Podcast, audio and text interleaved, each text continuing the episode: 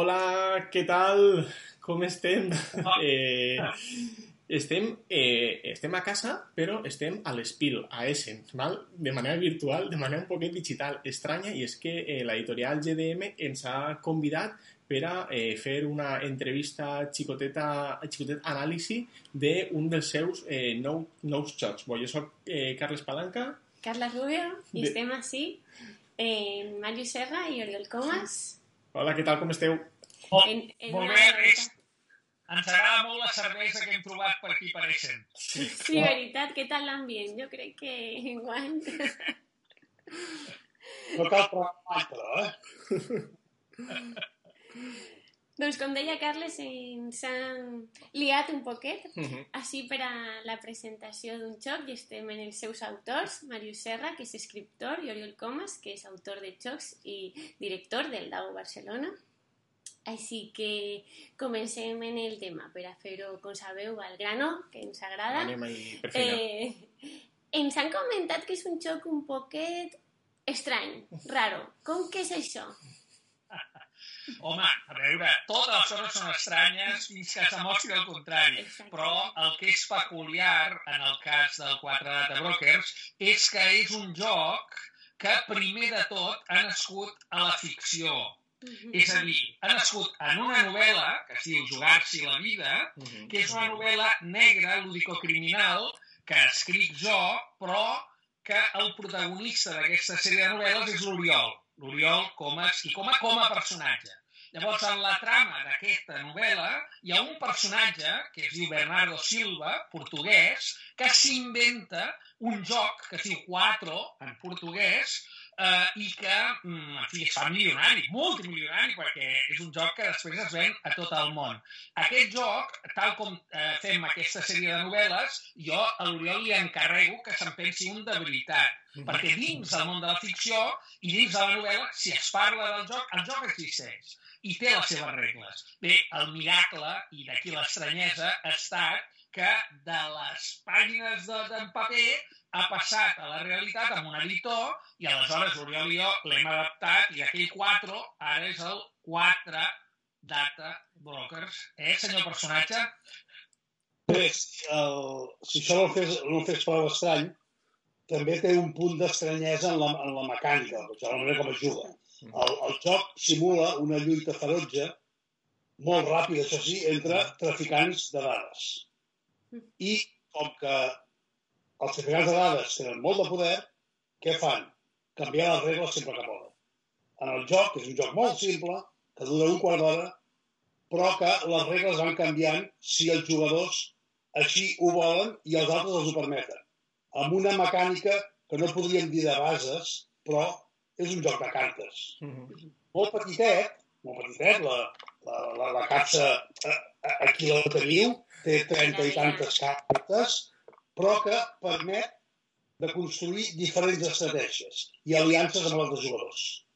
Aleshores, la interacció entre els jugadors va ser vital.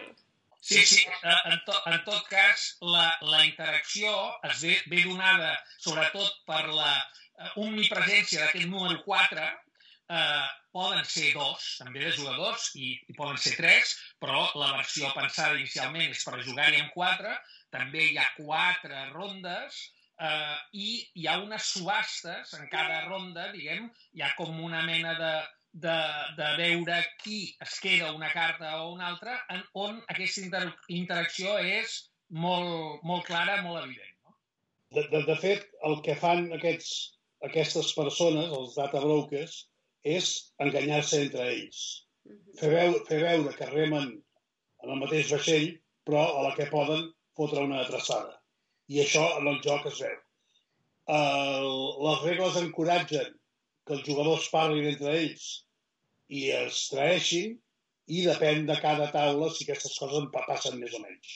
Mhm. Molt bé, és, és, és habitual per a vosaltres inspirar-vos en, en temàtiques per a fer eh, jocs, per a dissenyar-los. En este cas, doncs, era, era un, és, és un llibre, és una, és una ficció, però també té una part de realitat, que és com, com es eh, comercia amb les dades personals. Eh, tracteu de reflectir-ho de manera eh, molt fidedigna o potser només amb este, este feeling, este sentiment de, de, de què significa ser poderós amb dades? Mm, Ho enfoco d'alguna manera?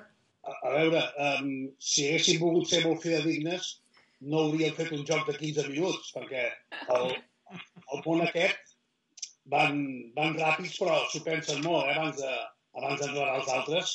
No, el, el, el joc agafa la gran idea del tràfic de, de dades i de la relació entre les persones que es dediquen a aquest, eh, aquest mm, diguem-ne, estrany negoci.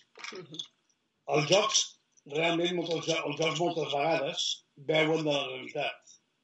Fins i tot un joc com els escacs, que ara passa per ser el, el, el nom plus ultra de, de l'abstracció, és, de fet, quan va ser creat fa mil anys, els escacs, era un joc que reflectia perfectament una guerra, una guerra de llavors. Un rei que no sabia fer res, només s'amagava que, no, que no el matessin, uns que protegien, uns soldats que anaven a morir de seguida, uns cavalls que anaven saltant, una mica d'artilleria, a camp descobert, sempre de dia, tota la vista, això són els escacs. Clar, els wargames són exactament això. Mm -hmm. que passa que els escacs, amb, amb mil anys, s'han anat uh, estilitzant. Els jocs, tret, tret de pocs jocs, normalment veuen de, veuen de la realitat. En, en els jocs que, que jo he fet, eh, amb el Marius van fer uns jocs de lingüístics, són una mica d'una altra manera, però són un joc que vol reflectir la llengua vol posar la llengua en joc, precisament. O el, el joc que vaig fer amb, amb en Jep Ferret, del Gaudí, volíem fer un joc sobre el Gaudí.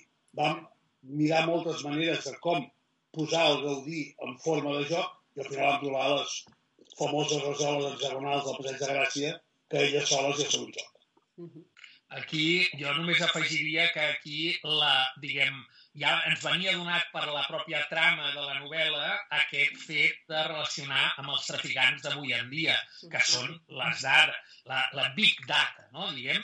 Ara, és evident que després això ho adaptes a una mecànica que, per començar, eh, és digital només perquè toquem eh, les fitxes amb els dits. Eh?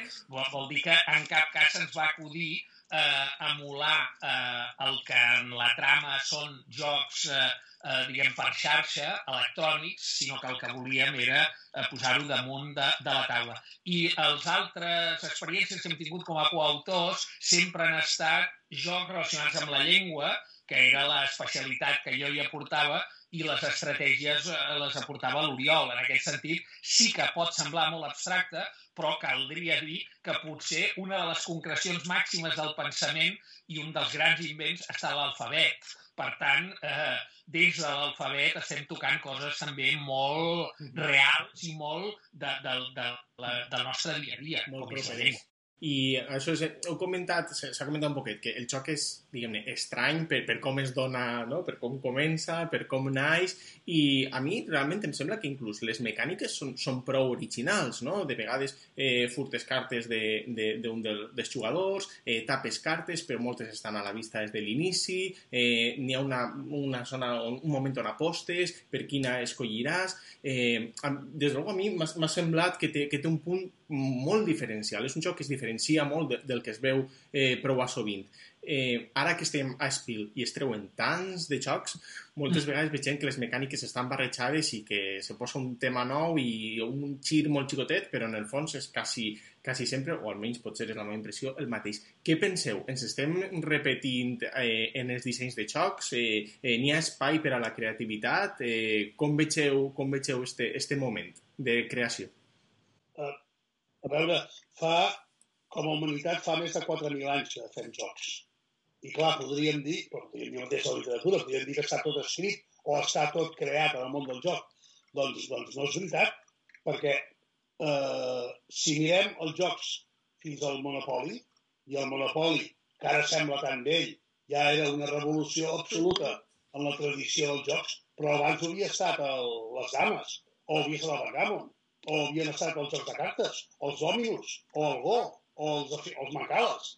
I després del Monopoli, amb l'època més moderna dels jocs, ens trobem amb els primers grans jocs, després del risc, el risc potser seria l'últim joc d'aquests jocs eh, clàssics moderns. Uh -huh. Llavors, ens trobem jocs com l'Acquire, o l'Illuminati, o el Cosmic Encounter, el Civilization, o el Diplomacy, els 1.800 jocs que ja tenen 50 anys, però que cada un d'ells ha obert un gran camí per davant. Mhm. Tornem-ho a dir, està tot fet? No, perquè després ve el Catan i amb el Catan comença l'època realment d'or del joc contemporani i el Catan crea una manera diferent de jugar i de crear. I crea, i crea mm, coses noves fins i tot en la indústria del joc. Però després del Carcassonne i ve el Dixit i ve l'Aventureros i dius, bueno, doncs, mm, i amb aquest s'acaba. No, no s'acaba, perquè després ve el Time Stories, després venen els jocs eh, que simulen els escape rooms, o aquesta petita meravella, no tan petita, que són els, els jocs Q, els jocs Sherlocks, de, del Martí Lucas i el, i el Josep Izquierdo, que és una, una producció local que s'ha estès mundialment, que els venen de 100.000 en 100.000 i que és una cosa totalment nova. No existia abans. Existia joc de deducció, sí. Existia aquest format, no. O la gran revelació d'aquest any, el, la tripulació del, del, del Tom 5. Un joc, senzillament un joc de bases de sempre, però que aquest home li ha sabut fer un clic que fa una cosa, però que a partir d'ara els jocs, molts jocs seran com la tripulació de Tom 5. Jo, de, davant d'aquest eh, de vessall d'erudició, només afegiria tot està per jugar i tot és jugable. Molt bé, doncs bo, jo crec que amb això podem anar, anar tancant, ja que tot és jugable, jo crec que vos recomanaríem jugar al 4 Data Brokers, no? que és un joc que té Sí. molt bona pinta, és molt ràpid, eh, molta interacció. A mi particularment m'agraden els jocs on sents que, que n'hi ha un adversari, sents que n'hi ha algú altre ahí al costat, no? No que vaig jo a la meva, no, ahí vull, vull notar-me un poquet i a veure com ho fas tu i a veure com ho faig jo. Sores, eh, bueno, eh, tu vols comentar alguna cosa més? Eh, Eh, practicaré la meva cara de pòquer. en mascareta potser és més fàcil. Igual és més fàcil, en mascareta. Eh, teniu pensades algunes presentacions eh, pròximament? Ja n'hem hagut de suspendre alguna, oi, Màrius? uh, Dèmics, fan dèmics. el DAU, aprofito per dir que DAU Barcelona es farà 14 i 15 de novembre, més xicotet, però es farà, amb totes les mesures de seguretat i unes quantes més, de manera que tot el que suposa aglomeració de persones no es farà, Mhm. no hi haurà presentacions, per tant, més enllà de jugar a les taules, això sí que es farà, i moltes parts del, del DAU les hem passat a virtuals. I sí que puc dir que For Data Brokers, amb molts altres jocs, formarà part d'una secció, això és spoiler, d'una secció nova a la pàgina web de DAU dedicada a alguns dels millors jocs de 2020. Jo només volia afegir una cosa, desmentir categòricament que en el disseny de les cartes això sigui el blau Twitter o això sigui el verd WhatsApp. Ho desmenteixo categòricament. No té absolutament res a veure. No, eh? és el, com tot el món sap, això és el Pantone 252 i el verd. I ja està. Bo, en, en un futur potser els colors també estan, estan protegits per les grans corporacions, així que ja, ja veurem, no? Això ja, ja ho negociarem. bueno, moltíssimes gràcies. Mm -hmm, ha estat tot un plaer. Igualment, a vosaltres. Gràcies a vosaltres. Adéu. Perfecte, una abraçada així des de, des de l'Alemanya l'Alemanya de, del sud d'Europa. Exacte. Anem a fer una cervesa, va. Vinga, uns pretzel. Es vegem. Ciao. Ja